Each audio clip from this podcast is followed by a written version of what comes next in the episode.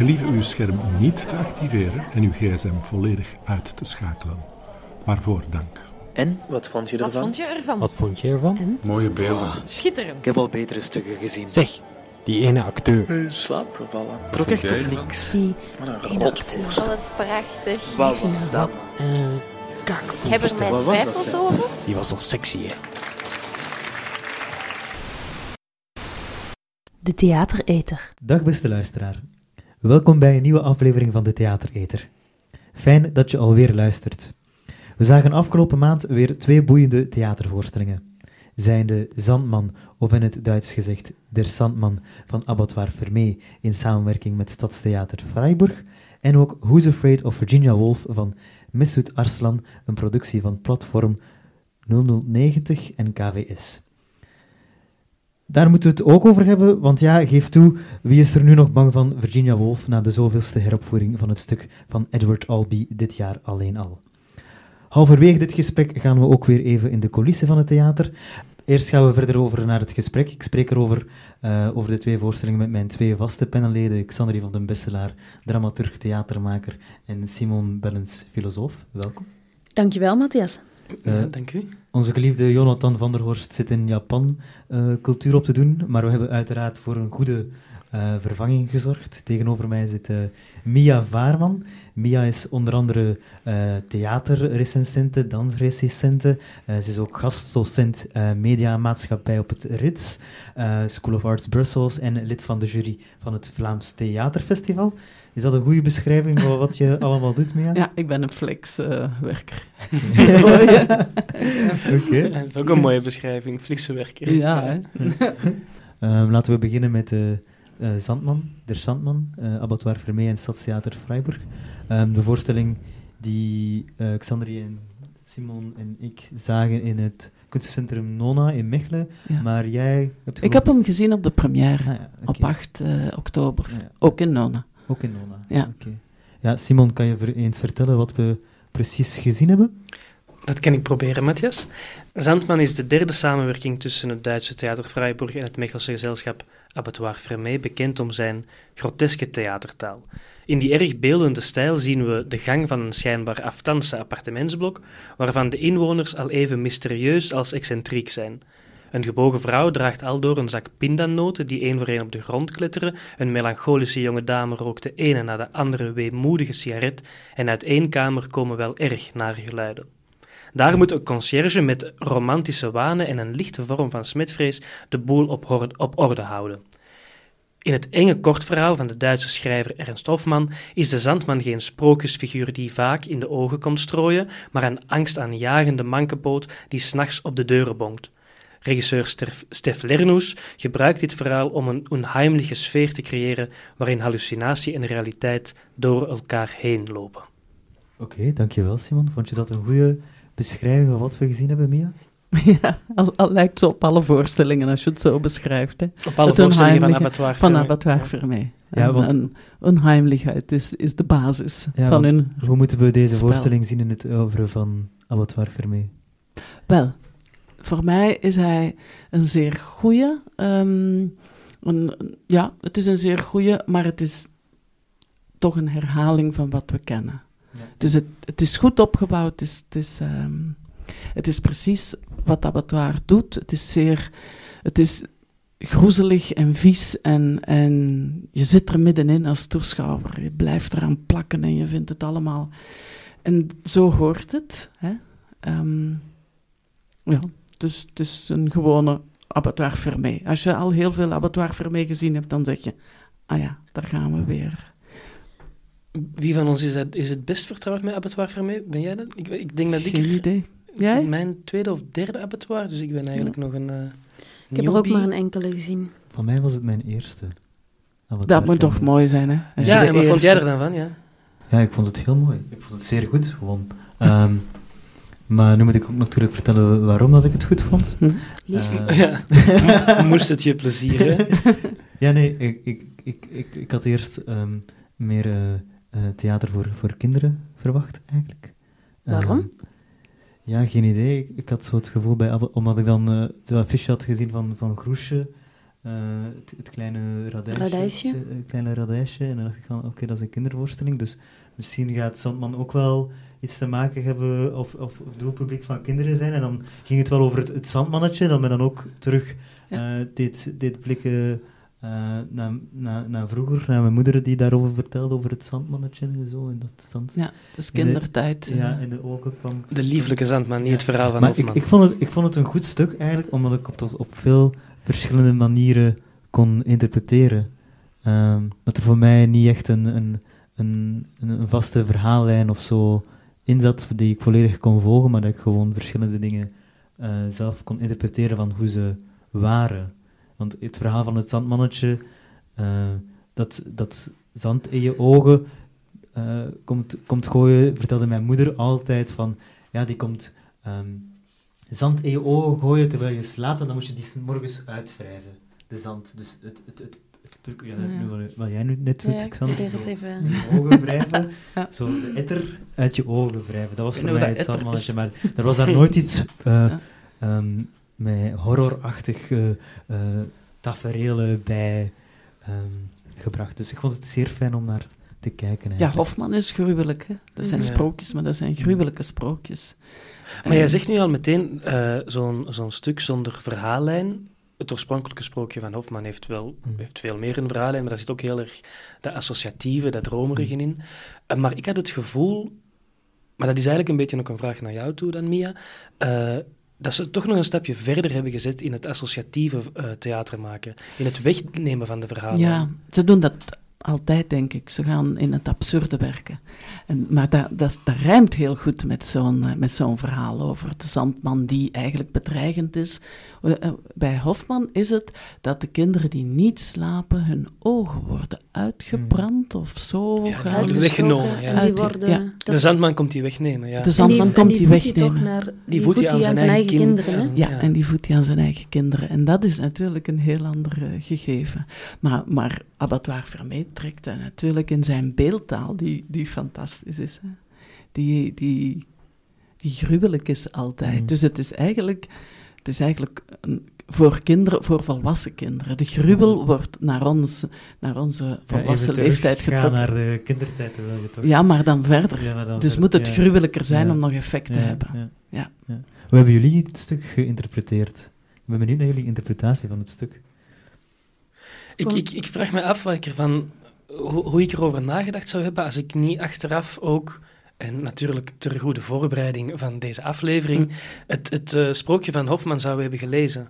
Omdat ik, ik, ik- vanuit het sprookje kan ik heel gemakkelijk eh, de link en de associatie leggen met de sfeer, zeker die dat er in de voorstelling wordt opgeroepen. Maar ik weet niet of dat, dat, on, of dat, er, eh, of dat de weg even gemakkelijk in de andere richting loopt. Of het, Begrijp Of je het ook zonder het verhaal eerst te kennen mee kan kijken. Ja. Mij is het zo gegaan eigenlijk. Wat ik heel graag doe bij, bij Abattoir Vermeer is binnengaan zonder te weten en mij dan laten inpalmen. En dat lukt bij sommigen beter dan bij anderen. Ik vond dat hier zeer goed. Soms, ehm, soms is het gruwelijk, een voorstelling, ehm, zoals die van Kafka, van het proces. Dat vond ik een heel goede van hen. En soms is het dan ehm kolderesk en, en zwaar absurd, zoals The Grey Garden. En hier is het eigenlijk meer vies.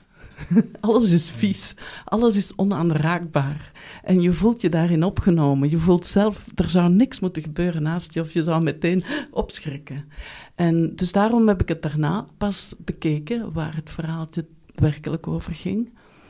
En ik vind dat ze daar heel juist in zitten. Ze, ze, ze maken eigenlijk iets, eh, ze zeggen het zelf, dat het een donkere en vernietigende kracht is die van binnenuit komt en die ons denken ehm, naar de hemel vervoert of, naar de, of in de hel werpt. Dus daar gaat het om. Iets wordt zeer onaangenaam. En dat, dat strookt met wat je te zien krijgt. En, dat- en wordt- dat beklijfde jou ook? Of? Ja, dat beklijfde Ja. mij toch wel. Maar fysiek, Ja. Dat is toch fantastisch, hè? dat ze eigenlijk een, een inhoud fysiek laten ja, doorwerken. Zeg, wat ik mij afvraag, zijn er bepaalde eh, beelden of scènes die jullie zijn bijgebleven uit de, uit de voorstelling? Heel vele.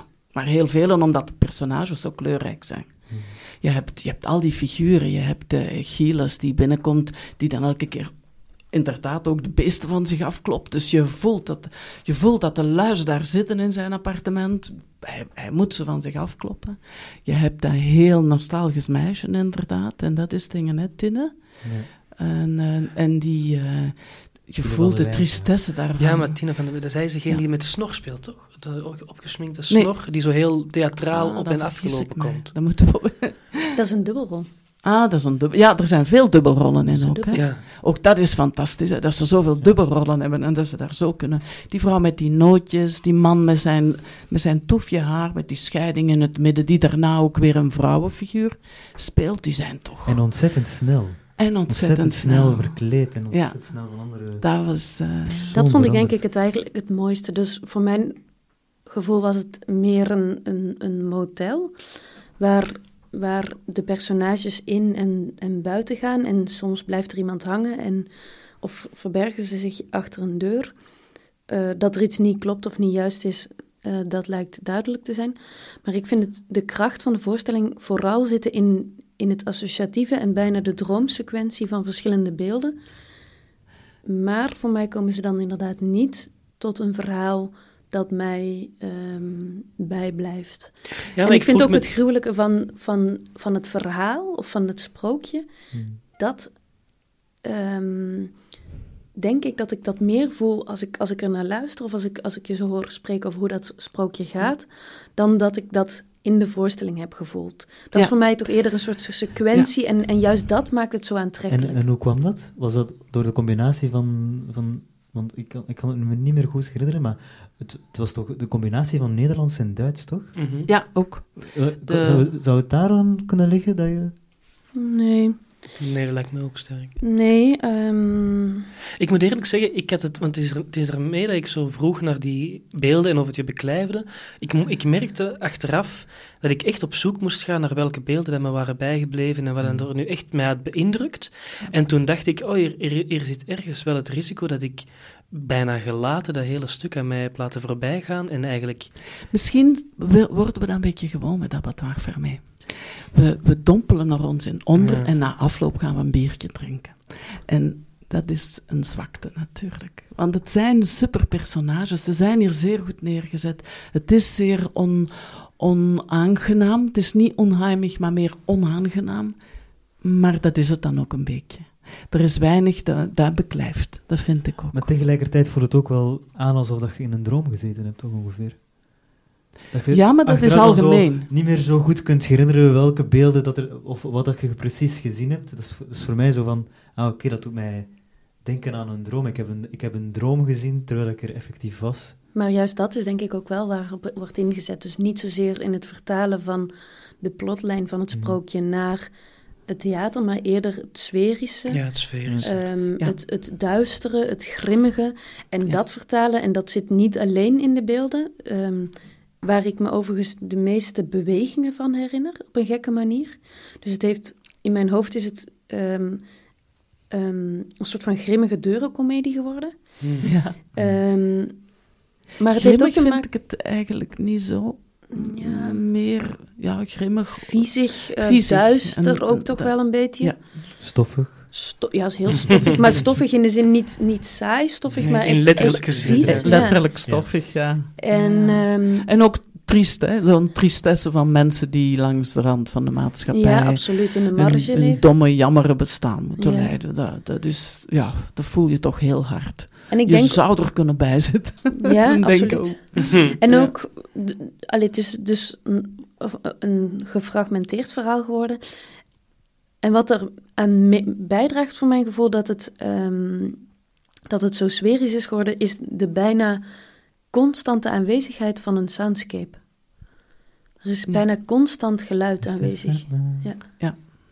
Ja, en ook en ontzettend eh, repetitief. Ja. Ja. Maar dat repetitieve is wel iets wat dan niet alleen in de soundscape terugkomt trouwens. Ik herinner me bepaalde scènes, bijvoorbeeld de vrouw met de pindanootjes die keer op keer terugkwam. Een soort ja, circulaire of, of on- oneindige beweging. Maar ook dat draagt bij aan de triestheid van het Mm. bestaan, dat er ook niks verandert. Dat het ook duidelijk een, een eeuwig hetzelfde, dat Zo- terugkomt. Ja, ik heb wel een beetje aan de eeuwige wederkeer moeten denken. Ja. Van, ja, de grote nachtmerrie. Ja. Die Absoluut. uiteindelijk wel ontaart. Want het stuk begint met een conciërge die ehm Opruimt. ternauwernood alles probeert op Ja, te ruimen ja. en alles schoon probeert te houden in een ruimte die niet schoon te houden is. En dat ontaart aan het einde in dezelfde prullenbak die alles lijkt terug uit te spugen. Ja. En waar het geen houden meer aan is om het... Dat is natuurlijk zoeken naar een einde. Ja. Ja, Dat is, ja, maar het komt ook overeen met zijn waanzin, in het, eh, zoals het in het verhaal van Hofman... eh, dat- ja, oké, dat kan ik voor. Maar het is allemaal heel erg associatief. Je kan de link Ja. met het, het verhaal niet één op één leggen, maar ik, sommige dingen die werden dan heel sferisch en associatief wel goed eh, uitgewerkt, naar mijn gevoel. Maar ik herinner mij dat wij zeiden toen we, weg, toen we weggingen, eh Xandri, ehm, het is allemaal zo afgemeten en zo afgewerkt. Er is ergens wel het risico dat je met een, dat, dat je met een echt een afgewerkt product... eh, Een format. Ja. Dus ik- zie ja, waar dat je als toeschouwer toch een beetje hun... afstand toe behoudt. Ja. Waar dat je moeilijk met interactie of, of je helemaal in laat onderdompelen. Maar ik weet ook niet of het te maken heeft met het feit dat het.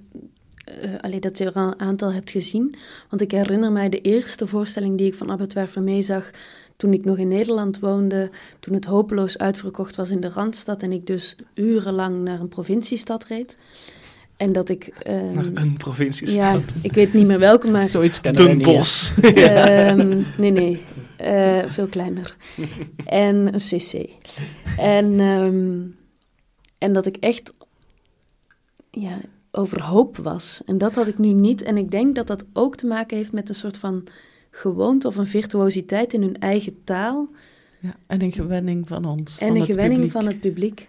Mia, ik moest wel lachen, want ehm, achter ons, eh, ik was met een vriend mee die altijd zijn studenten meeneemt.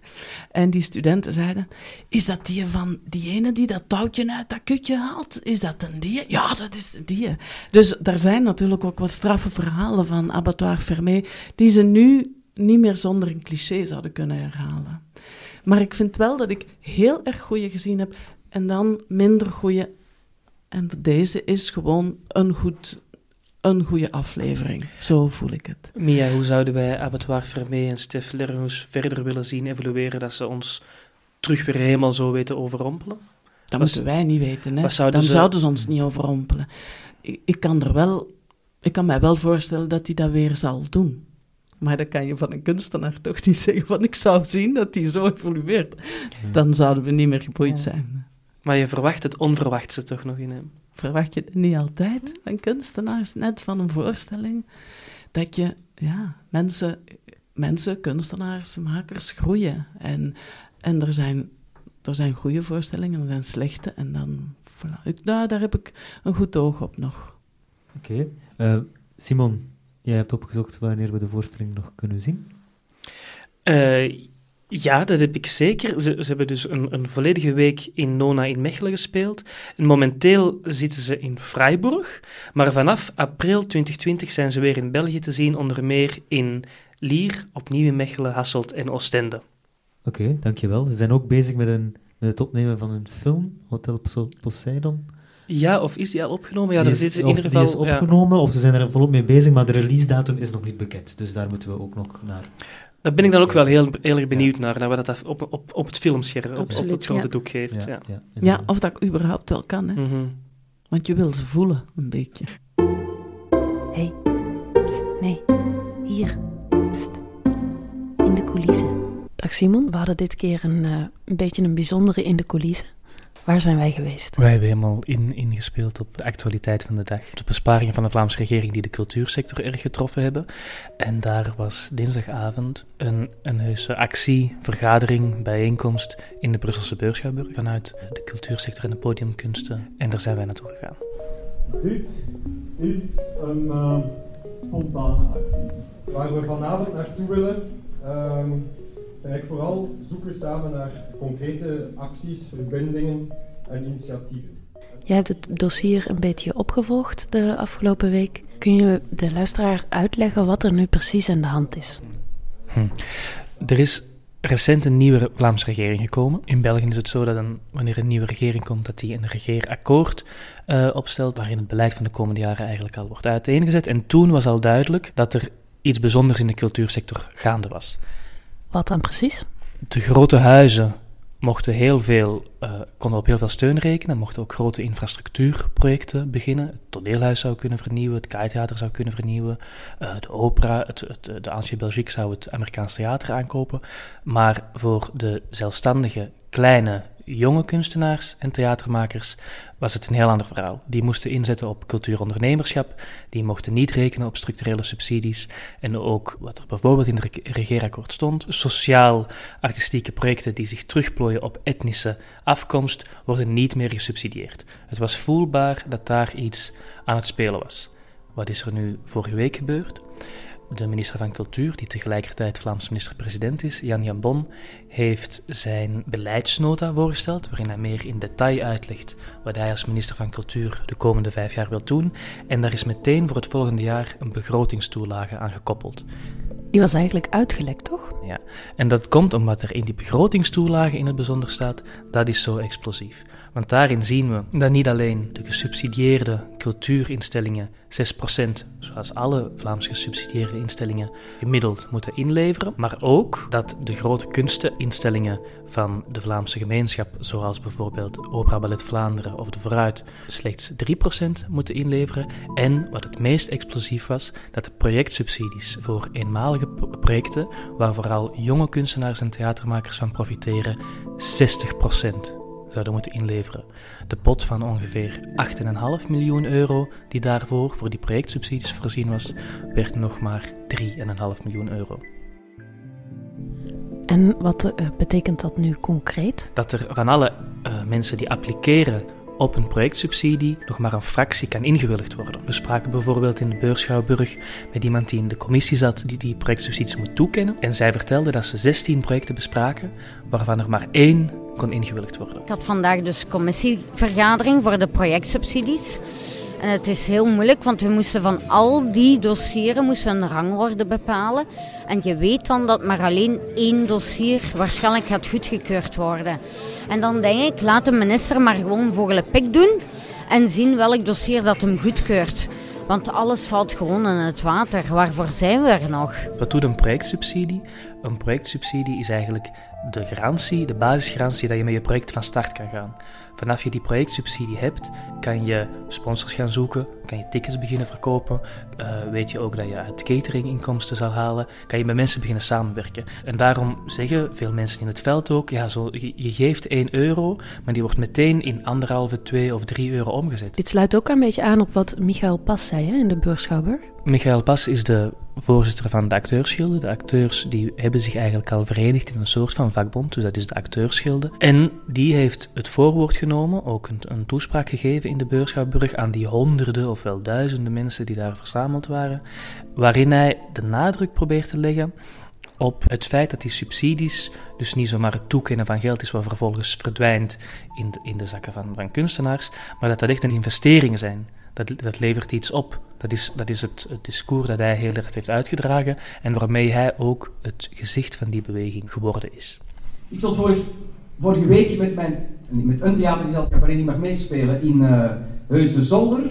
En wat voorheen een, een, uh, een lege uh, ex-koolmijn was, daar is nu een nieuw cultureel centrum neergezet. En kijk, daar is dus terug animo, dat werkt. Rond dat cultureel centrum is een restaurant en een bar. Dat zat vol mensen. Die zaal zat vol mensen. Dat begint daar terug te leven. Hè. Die business die draait daar. De tapkranen lopen, de keukens draaien. Dat is return. Dat is economische return. Dat is een meerwaarde die wij brengen. Daar wordt geld verdiend. Daar wordt geld omgezet. Dat zijn investeringen.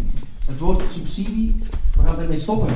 Het woord dat klopt niet. Dat zijn investeringen. Een subsidie is iets wat je weggeeft en niet terugkomt. Een investering is 1 euro geven en het wordt 1,5 euro. Ja, we hebben het er even al kort over gehad. Er zijn verschillende vormen van protest uh, geweest afgelopen week. We hebben inderdaad de afgelopen week heel erg veel uh, protestvormen gezien binnen de, uh, binnen de culturele sector. We hebben gezien dat op sociale media mensen hun profielfoto voor 60% uh, met een gele sticker overkleven, waardoor dus nog maar 40% van de profielfoto uh, zichtbaar wordt. Ze zeggen dan, maar ja, dit is wat jullie te zien krijgen door 60% op die projectsubsidies te besparen. Dan schiet dit er nog maar over. We hebben heel erg mooie samenkomsten gezien in theaterzalen, in culturele centra, waar de mensen na een voorstelling werden uitgenodigd om met de acteurs op het podium te komen en vervolgens een foto van te nemen. Wij hebben nog een, een betoging gezien bij het kabinet van Jan Bon wanneer hij in de commissie cultuur zijn beleidsnota kwam toelichten afgelopen woensdag. En dat zijn allemaal acties die dinsdag in de Beurschouwburg besproken zijn. Wat is er gebeurd? Na de grote bijeenkomst en de speeches voor de hele groep hebben alle, alle samengekomenen zich verdeeld in verschillende werkingsgroepen die heel concreet rond bepaalde vraagstellingen, zoals hoe is onze samenwerking met andere mensen in het middenveld? Hoe gaan we ons positioneren ten opzichte van de regering? Met actievoorstellen kwamen. En dat was een moment van heel spontane vereniging. Mensen gingen zich op trappen zetten, in de hal, in de hoek van een kamer en spontaan met elkaar in discussie gaan. En hoe was de sfeer daar? Het was ongelooflijk druk. We konden elkaar bijna niet terugvinden. Um, hoe was het? Ik denk dat jij op een bepaald moment naar het toilet bent gegaan en dat het zo druk was dat je niet meer terugkwam dat we elkaar, we kwamen letterlijk niet. Jij stond aan de andere kant van de deuropening dan ik en we kwamen niet tot bij elkaar omdat de mensenmassa zo druk, uh, zo dichtgepakt op elkaar was. Er was veel uh, frustratie en verongelijkheid ook, maar ook heel veel weerbaarheid, heel veel strijdbaarheid, heel veel zin om actie te ondernemen, om constructief uh, na te denken. En wat toch bijzonder is voor een kunstensector waarvan men heel vaak zegt dat die individualistisch ingesteld is. Er was zeer veel bereidheid tot spontane vereniging, tot samenkomen en één boodschap uitdragen. Zou ik om een reactie mogen vragen? Uh, dat mag zeker, ja. Uh, waar gaat deze avond voor jou om? Uh, het is eigenlijk een experiment, een heel nodig experiment denk ik, om te kijken of we met heel veel kunstenaars samen, waar er altijd van gezegd wordt dat je die niet kunt organiseren, te komen tot uh, een aantal acties, initiatieven samen, korte termijn, maar ook de lange termijn. Uh, en ik denk dat het in de eerste plaats nodig was om, om heel veel mensen samen te brengen, gewoon om te zien van uh, we staan hier niet alleen in. Ik vind vooral die, die kut van 60% op projectsubsidies echt een aanslag op de toekomst, niet alleen van de, kun, de kunsten, maar ook van de samenleving eigenlijk. En ik hoop dat we op een of andere manier manieren en strategieën vinden om minstens dat heel duidelijk te maken dat dat gewoon niet kan en zo contraproductief is en contradictorisch met al de rest waar dit beleid voor wil staan. Ik ben totaal niet van de cultuursector. Dus u bent een sympathisant eigenlijk? Ik ben een sympathisant. En waarom vond u het toch belangrijk om te komen? Omdat cultuur de maatschappij voedt, uitmaakt en ook leefbaar maakt. Ja, en wat kunnen wij hier nu eigenlijk uit uh, uh, opmaken? Welk beleid wordt er nu gevoerd? Ik denk dat we op twee paden moeten wandelen. Enerzijds heb je die besparingsopdracht van de overheid, maar we moeten inzien dat die in het geval van de kunsten zeer gering is. Het budget van de totale cultuursector blijft nagenoeg hetzelfde. Ik geloof dat het van 518 miljoen naar 508 miljoen gaat. Dat is eigenlijk een gering verschil en zeker niet meer dan andere sectoren moeten besparen. Maar, en dat is het tweede spoor, de besparingen zijn in de cultuursector zeer ongelijk verdeeld. De kunstinstellingen van de Vlaamse gemeenschap leveren tot 3% in, de werkingssubsidies gaan met 6% naar beneden en de projectsubsidies dus met maar liefst 60%. Wordt meer dan gehalveerd. Dus het treft één welbepaalde groep, namelijk van vooral jonge kunstenaars die nieuwe dingen willen maken, die creatief zijn, die ook zeer maatschappijkritisch zijn, die eigenlijk, en ik denk dat dat de kern is waar het om gaat, in de ogen van de huidige regering subversieve, ongewenste elementen zijn in de samenleving. Wat bedoel ik daarmee? Er leeft binnen de regering misschien ook wel, maar vooral in rechtse en extreemrechtse kringen, een zeer sterke idee van cultuurstrijd. Die betekent dat je ook op het vlak van cultuur, van wat er gemaakt wordt in de kunsten, een politieke strijd moet voeren en de elementen die jou niet aanstaan ook moet proberen overwinnen dat wat er in de cultuursector gebeurt uit een links bastion komt dat helemaal niet de Vlaamse identiteit uitdraagt zoals zij die zien. En in dat opzicht moeten we de besparing in de cultuursector en dan vooral over de projectsubsidies volgens mij niet zozeer zien in de lijn van alle besparingen die de regering doorvoert, maar in de lijn van het afschaffen van het Vlaams Journalistiek Fonds, van de Media Academie, het afschaffen van Unia, het Gelijke Kansencentrum, allemaal stuk voor stuk maatschappij-kritische elementen die in de ogen van rechts een zeer links discours uitdragen en die in een cultuurstrijd moeten worden overwonnen. Ja, de laatste vraag, hoe nu verder? Men probeert vanuit de kunstensector uh, druk te zetten op de andere coalitiepartijen buiten NVA, op CD&V en op Open VLD, om toch nog iets aan die uh, vooropgestelde besparing te veranderen. Want het is natuurlijk een beleidsnota, een begrotingstoelage, die moet nog gestemd worden. En de minister-president, minister van Cultuur, Jan Jan Bon, heeft zich in die commissie waarin hij toelichting kwam geven, maar waarin geen vragen mochten worden gesteld, heeft hij ook gezegd van ja, ik ben bereid om te luisteren uh, naar uh, de cultuursector. Zij mogen wij voorstellen doen. Daar heeft hij natuurlijk niks bij te verliezen. Hij toont zich nu als een luisterbereid man. Uh, en als er constructieve voorstellen komen, dan is hij een, een, een, een groot leider. Maar als die er niet komen, dan kan hij zeggen: Ja, ik heb, ik heb jullie een kans gegeven, jullie hebben ze niet gekregen. De kunstensector wordt misschien tegen elkaar uit, uitgespeeld. Want ja, waar er ergens geld bij komt, ja, dan moet natuurlijk elders weer geld vanaf. Um, dus hij heeft er ook niks bij te verliezen bij zo'n bij zo'n voorstel. En ik denk dus dat wat er ook gebeurt op het vlak van de besparingen, of je nu wel of niet het geld een beetje kan, uh, de, de pijn een beetje kan verminderen, wat vast blijft staan is dat je verwikkeld bent in een harde, soms vuile cultuurstrijd tegen wil en dank, maar je zit erin en die kan zeer hard gespeeld worden. Je zit met een regering die ten gronde niet gelooft dat het waardevol is om cultuur, kunst, nieuwe makers te subsidiëren en die er ten gronde ook van uitgaat dat, het een, dat, het, dat er een politieke strijd tegengevoerd moet worden. Er wordt een discours gevoerd waar, waaruit zou blijken dat de, dat de cultuursector op subsidie beluste mensen zijn die alleen maar willen chockeren, die geen schoonheid meer maken. Um, dat, is, dat is het niveau waarop die cultuurstrijd gevoerd wordt. En je mag niet onderschatten in hoeverre de publieke opinie daarmee meegaat. Ja, dankjewel Simon voor dit gesprek. Um, ik hoop dat het een beetje helderheid heeft gebracht en uh, laten we hopen op het beste. Graag gedaan.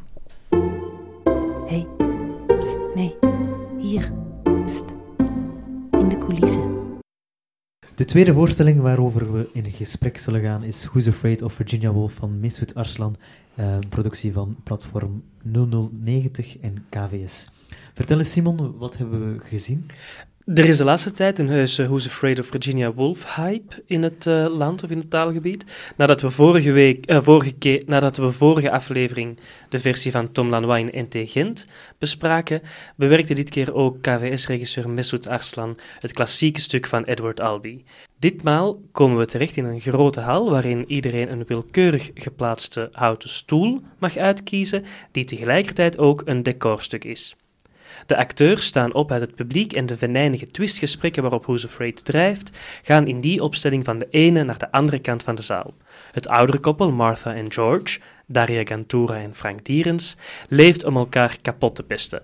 Ze ontvangen de jongeren Nick en Honey, Rashif El Kawi en Doreen de Klippel, die ze net zo goed het bloed van onder de nagels halen. Doordat ze opstaan uit het publiek, wil Mesut Arslan het publiek deelachtig maken aan dit complex van venijnigheid. Het publiek kant laten kiezen. Een koor van twaalf stemacteurs dat de kampen bejoelt en uitjouwt, versterkt dit retorische gladiatorengevecht. Maar na meer dan twee en een half uur eindigt Arslan's Who's op mystieke wijze. Catharsis. Oké, okay, dankjewel Simon. Dat is mooi gezegd allemaal. Ik weet eigenlijk niet of ik het ermee eens ben. Ah, dan ben ik nee, ik ook ja. niet. ben het er niet mee eens. Nee. Oké, okay, vertel. Eerst Xandri. ja, um, het, uh, uh, uh, hoe er wordt gesproken over de stemacteurs en of ze, die, um, of ze de vier hoofdpersonages soms uitjouwen, soms overstemmen, soms monddood maken of juist bijstaan. Ik heb het niet zo ervaren, precies. Ik beken, ik heb het uit het uh, een beetje gestolen van het programma, van de programmabrochure. Ja. Geparafraseerd. Ah, ja. ja. het is zo dat zij het is zo, en ook hoe dat Arslan het zelf uh, presenteert. Heb je het over de stemacteurs? Het idee of van de retorische kampen en het, en het, uh, het ja, kant kiezen. Maar ik vind dat dat gebeurt. Maar ik vind dat wel op een, ik vind het op een hele knappe manier gebeuren. Ik wou eerst even zeggen trouwens dat mij dat is opgevallen toen ik over die twee stukken hier opnieuw nadacht. Bij het stuk van Abattoir Fermé merk ik dat ik heel veel vergeten ben en alleen nog maar met beelden zit en een bepaalde sfeer. Terwijl ik hier bij de Who's Afraid of Virginia Woolf van Mesut Arslan juist ben gaan nadenken daarna. En mij echt, in mijn, ik heb heel veel notities genomen en er staan regelmatig vraagtekens bij. En toen ik die vandaag er las, dacht ik, ah ja, ah ja, nu klopt dat. Nu begrijp ik het. En het groeit dus. En ik vind niet dat ze. Het je wordt niet als toeschouwer in een kamp gedrongen of, of geduwd. Het is juist. Of tenminste wel, maar je kan niet kiezen. Je wordt zoals elke massa meegesleurd in een, in een gevecht waar je getuige van bent en waar je op den duur ja, toch ook gaat reageren omdat het irriteert. Maar niet meer rationeel, niet meer omdat die gelijk heeft of de andere uh, misschien iets zinniger zegt, maar gewoon omdat je, omdat je in dat vieze gevecht, dat is, het is echt met modder dat ze gooien, het is echt smerig hoe ze het met elkaar ruzie maken. Je wordt erin geïrriteerd en dus reageer je. Dus je wordt meegezogen. Je wordt in een kamp gedwongen. Uh, ben ik duidelijk? En, en waarom had je hierbij meer vraagtekens dan bij... Ik heb elke keer vraagtekens gehad en gezet, duidelijk bij het veranderen van de stoelen. En in het begin had ik daar ook geen, geen verklaring voor. En later heb ik heel, of, of nu, maar echt met het nadenken, dat vond ik heel mooi, um, dat het mij steeds duidelijker werd na afloop. Dus je komt binnen en je zit willekeurig en je wordt getuige van een ruzie. En dat is altijd irritant. En wij kennen dat ook allemaal. Als iemand ruzie, een koppel ruzie maakt en je bent er getuige van, dan, dan weet je niet wat doen. En je zit erbij en je probeert je om te draaien of af te, af te, af, afwezig te zijn van wat er gebeurt. Want het is, je kan niks, je weet, je, je bent verloren. En dat doet hij heel goed. Bovendien moet je constant heen en weer kijken, want ze roepen door de hele zaal naar elkaar. Roepen, ze hebben microotjes, dus is niet eens je bent er echt heel dicht getuige van. En dat maak je mee. En dan komt er op een gegeven moment een splitsing. En dan dacht ik, wat doet hij met die stoelen? Wat doet hij met die stoelen? Hij zet ze tegenover elkaar. En dan komt er een supermooie passage, vind ik. Dat vond ik al meteen. In één keer roept er dus die acteurs, die, eh, die, die stemacteurs, die roepen ook mee in, die, in dat gekissebis. En in één keer hoor je order. En je denkt meteen aan het lagerhuis, aan, aan de Berkhof. Hè? En je weet van, ja, verdomme, het gaat daar ook zo aan toe vandaag. Het is niet meer rationeel discussiëren en, en nadenken en het oneens zijn en daarover op een humane manier mm, heen en weer uh, nadenken en... en Nee, je wordt, je wordt gewoon mee in dat vuile, vieze water van die, van die discussie genomen. En um, ik heb ook teruggekeken. Uh, Boris Johnson kaffert op een gegeven moment ook zijn opposant Corbyn, Jeremy Corbyn, kaffert hij uit als kloorkip. Hmm. Dus plat, echt plat vloers tot en met. En dat kan je niet anders dan meemaken. Dat vond ik een heel, grote, een heel grote stap uh, van Mesut Aslan. Omdat je er zelf in zit. En de acteurs zitten er ook weer in. Tenminste, die twee uh, jonge uh, lieden die daar op die avond waren uitgenodigd. En dan helemaal op het einde, het is inderdaad een lang stuk, een lange zit. En helemaal op het einde leek het mij niet mystiek, maar wordt er wel degelijk een muur opgetrokken. En zijn er twee kampen, zoals ja, tussen de Palestijnen en de Israëli's, zoals tussen, ja, tussen, tussen Mexico en Amerika een letterlijk, echt een muur. En dat vind ik een zeer duidelijke politieke, uh, een politiek statement. Ja, ik moet eerlijk zeggen, ik was die politieke lading tijdens het, het, uh, het kijken van het stuk was het mij die volledig ontgaan. Mm -hmm. En ik herkende die ook helemaal niet terug als ik het zag in hoe dat Mesut Arslan er zelf over sprak. Eh, hoe dat jij het nu zegt, Mia, kan ik, kan ik er helemaal uh, inkomen. Of kan ik het helemaal wel, wel volgen. Alleen, ik denk, dat ik, ik denk dat ik me niet zo meegezogen voelde in het... Uh... Ik heb hetzelfde. Weet je, ik, ik, had, ik had vooral, um, toen dat ze ruzie aan het maken waren, dat ik zelf aangesproken werd door de acteurs zelf. Dus dan dacht ik van, oké, dus wij zitten eigenlijk in het publiek, inderdaad, twee kampen. Ehm, maar als bijvoorbeeld Darja ehm, aan het spreken is, of aan uh, George aan het uitschelden... Cantura, de vrouw van Martha, ja. Ja, aan het uitschelden is, kijkt ze soms ook naar het publiek zelf, kijkt ze soms ook naar de toeschouwers zelf en scheldt ze die ook uit. En dat vond ik van... Dat vond ik... Allee, dat vond ik... Dat, dat greep mij wel aan, omdat ze zo dan oogcontact zoekt. Ze, ze, ze, raakt ook mensen aan, van, oh, Georgie. Dus ja, ik vond dat wel, vond dat wel iets krachtig. Ik weet niet of dat jullie dat, dat, jullie dat iets allee, dat dat jullie gegrepen heeft of zo? Of, of? Ik weet het niet. Ik, ik, herinner me dat ik de hele tijd het gevoel had dat dat te veel op het niveau van een soort gimmick bleef. Dat dat iets te veel, uh, toch te veel het theatrale ervan benadrukte. En, en eigenlijk, ja... Voor mij heeft het ook te maken, denk ik, met het feit dat ik nooit het gevoel heb gehad dat het dat eh, klinkt nu een beetje esoterisch, maar dat de energie doorstroomde. Dus dat als er een, iemand in het publiek werd aangesproken, dan eindigde het voor mij eigenlijk bij de persoon in het publiek. En dan kwam die uh, uh, opmerking, scheldtirade, kwam niet meer aan tot bij het personage. Um, ah ja. Ja, en op een of andere manier merk je... Is, dat, is, is, is het geen keuze geweest van... Uh, Mesut Arslan om dan het, het publiek ook al een deel te maken van het personage? Ik heb, ik heb me ook niet zo geëngageerd gevoeld. Ik heb die hele politieke lezing heb ik, heb ik nooit helemaal gevoeld. Ik heb altijd een bepaalde distantie gehad. En juist die distantie maakt dat ik het stuk ergens heel mooi vond. Juist voor mij zat hem dat veel meer in, in de scenografie, in het, in het lichtplan en in de constructie van de stoelen.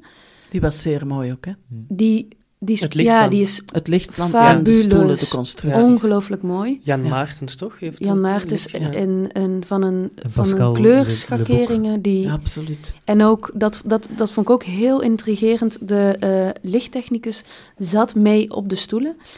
En die had een soort iPad of zo, tablet, denk ik, tablet in ieder geval in zijn hand. En die paste dat aan tijdens het stuk. En daarin voelde ik eigenlijk dus wel de, um, waar jij het nu net over had, wat er, de emoties en de mhm. sturing, um, die ook op een politiek, maar net zo goed op een, op een uh, wat kleiner niveau kan plaatsvinden, die voelde ik daarin. Dus voor mij zijn het juist eerder die beelden van de stoelen uh, en ook het licht dat continu verandert, bijna onmerkbaar, maar zo ongelooflijk veel invloed heeft, dat vond ik er juist zo sterk aan. Die die mij er eigenlijk juist niet in meetrok, maar op een afstand liet kijken. En ook had ik op sommige momenten, en dat heeft niks te maken met het spel, maar een juist een vervreemding van de stemacteurs. Omdat ik soms zo schrok, dat ik denk, oei. Van de stemacteur? Van de stemacteur. Ja. ja van het koor dan? Wat zegt u? Van het, van het zogezegd ja, ja. koor. Dat koor is ook een beetje artificieel, hè? Dat voelt wel zo aan. Ja, ja want het is toch op, op, ook met wat je er net vertelde, dat, dat maakt het heel tastbaar. We, we, we, weten hoe het is om bij een koppel terecht te komen die plots iets venijnigs tegen elkaar zeggen, waar je het plots voelt ontsporen, dat je denkt, ik wil hier eigenlijk snel weg. In, ook, in, ook in die situatie is, is om hiervoor een koor te gebruiken, of een deel van het publiek te gebruiken, dat moet gaan joelen, dat moet gaan... Dat is natuurlijk zijn overgang, denk ik, die hij wil maken naar dat politieke. En dat is misschien gesleurd. Niet bij de haren gesleurd, dat is veel, maar hij doet twee dingen. Hij speelt een, hij speelt een stuk, hij regisseert een stuk over, over, uh, over koppels die op die herkenbare manier wel ruzie maken. Hier gaat het ja, dan zeer Wel met een dynamiek door. en een virtuositeit die, die, die ja. voor alle duidelijkheid mij niet zo bekend is, hoor. Maar, ja, maar dat, dat ligt ook voor een groot deel aan de tekst zelf. Mm -hmm.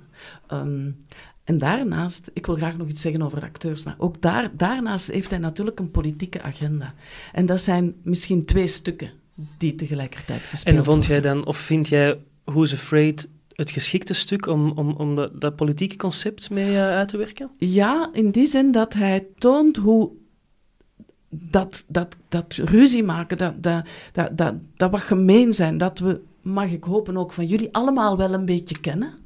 Hoe je toch wel hoe iets over de schreef gaat soms in een, in een dispuut en hoe je daarna je daarover schaamt, dat brengt hij binnen en hij toont hoe dat vandaag verandert naar een heel venijnige vorm van politiek. Ik zat te denken, als, als Reagan en, en uh, Thatcher in de jaren 80 de neoliberalisme hebben binnengebracht, wel, dan wordt vandaag met Trump en Johnson en, en de hele bende mee, of al dat soort mannen zou ik willen zeggen, wordt dat vieze spreken, dat leugenachtige, het fake news, maar ook de grove taal wordt binnengebracht in de politiek.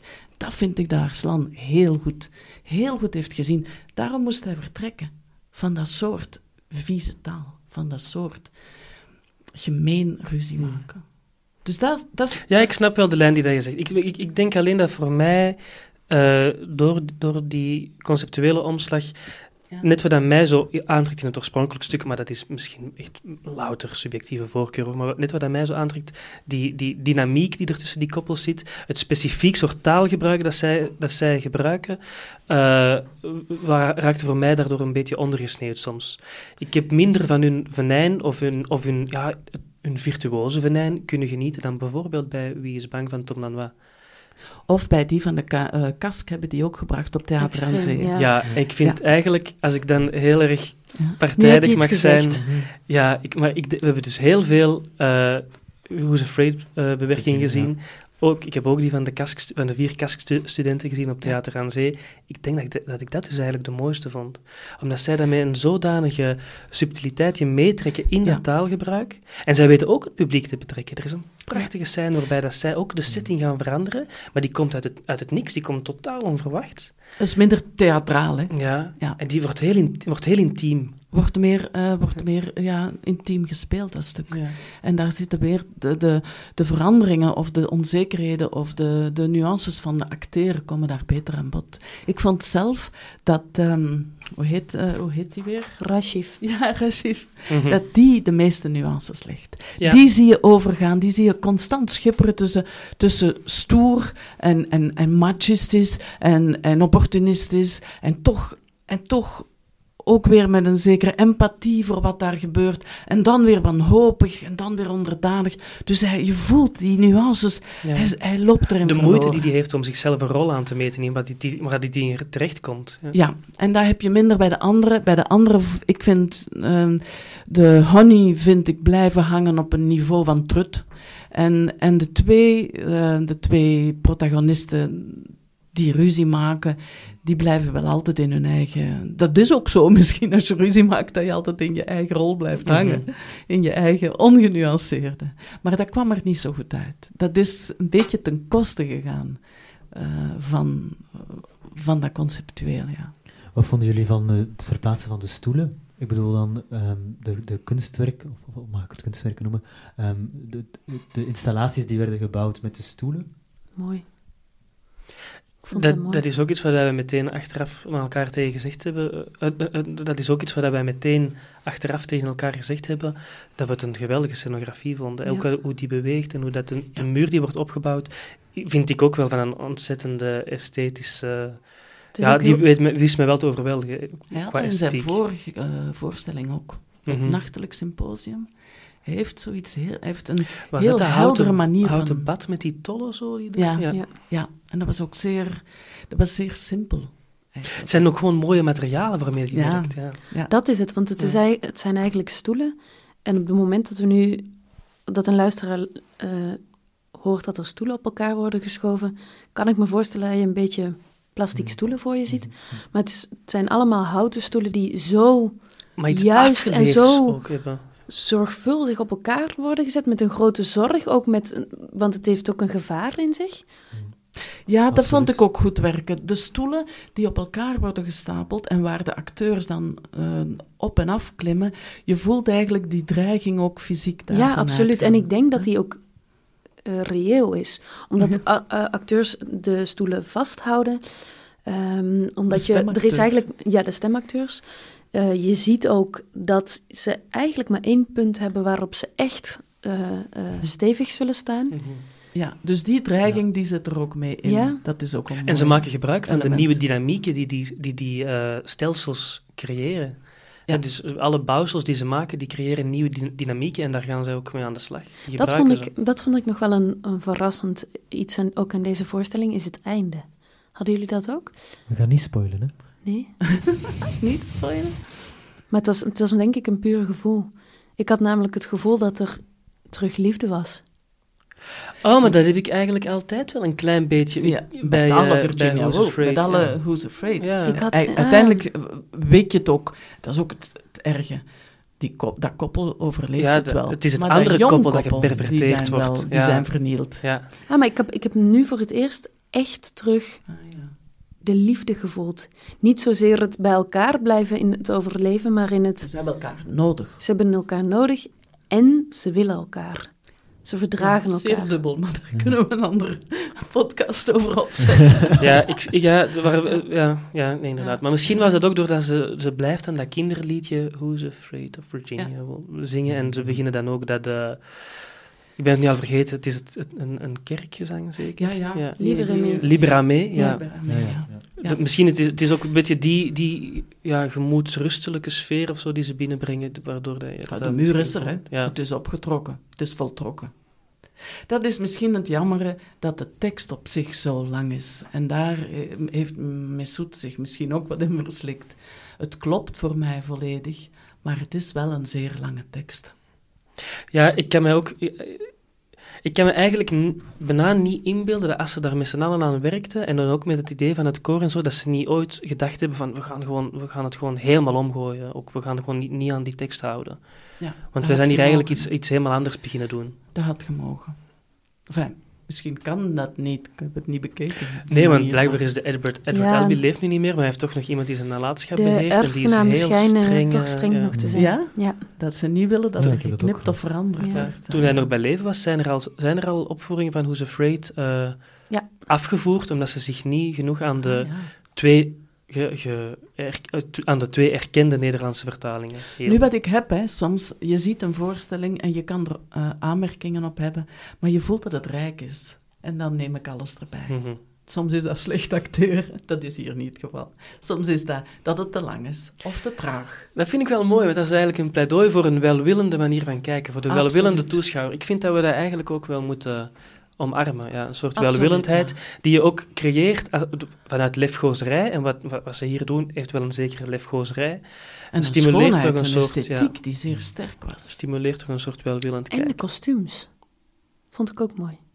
Dat vond ik nu ehm, herkenbaar. Ah, nee, vond ik Ik denk dat we nog uren kunnen verder spreken over dit stuk. Zie je wel? Ehm, Ja. Maar ik denk dat onze tijd erop zit en ik stel voor dat de toekomstige toeschouwer gewoon naar dit stuk moet gaan kijken en dan gewoon zelf kan bepalen of dat er nog liefde tussen het koppel overblijft of niet. Ehm, maar Simon... Maar de eh, toekomstige toeschouwer moet altijd naar alle stukken gaan kijken ja, die wij tuurlijk, bespreken. Simon, tuurlijk, tuurlijk. Dat, dat willen we natuurlijk het liefst ook. Ehm, maar wanneer kunnen we deze voorstelling nog zien? Eh, nog, nog, eh, nog veelvuldig en op verschillende plekken. Ze toeren nog tot februari doorheen Vlaanderen en Nederland. Oké, dankjewel.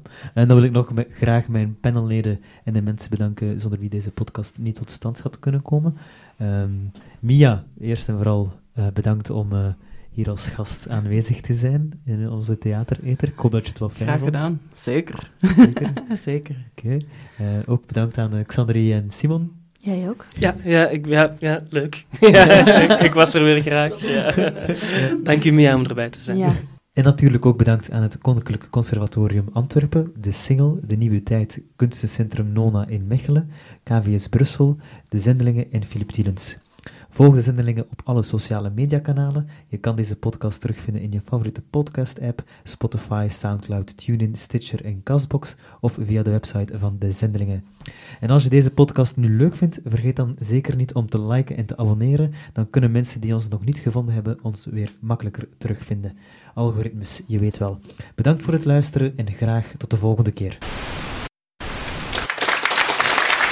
En, wat vond je Wat ervan? vond je ervan? Wat vond je ervan? Mooie beelden. Schitterend. Ik heb al betere stukken gezien. Zeg, die ene acteur, In slaap gevallen. die was zo sexy, hè? Die Wat een rotvoer. Wat prachtig. Wat was dat? Kakvoer. er Wat was dat? twijfels zeg? over. Trok echt op niks. De theatereter.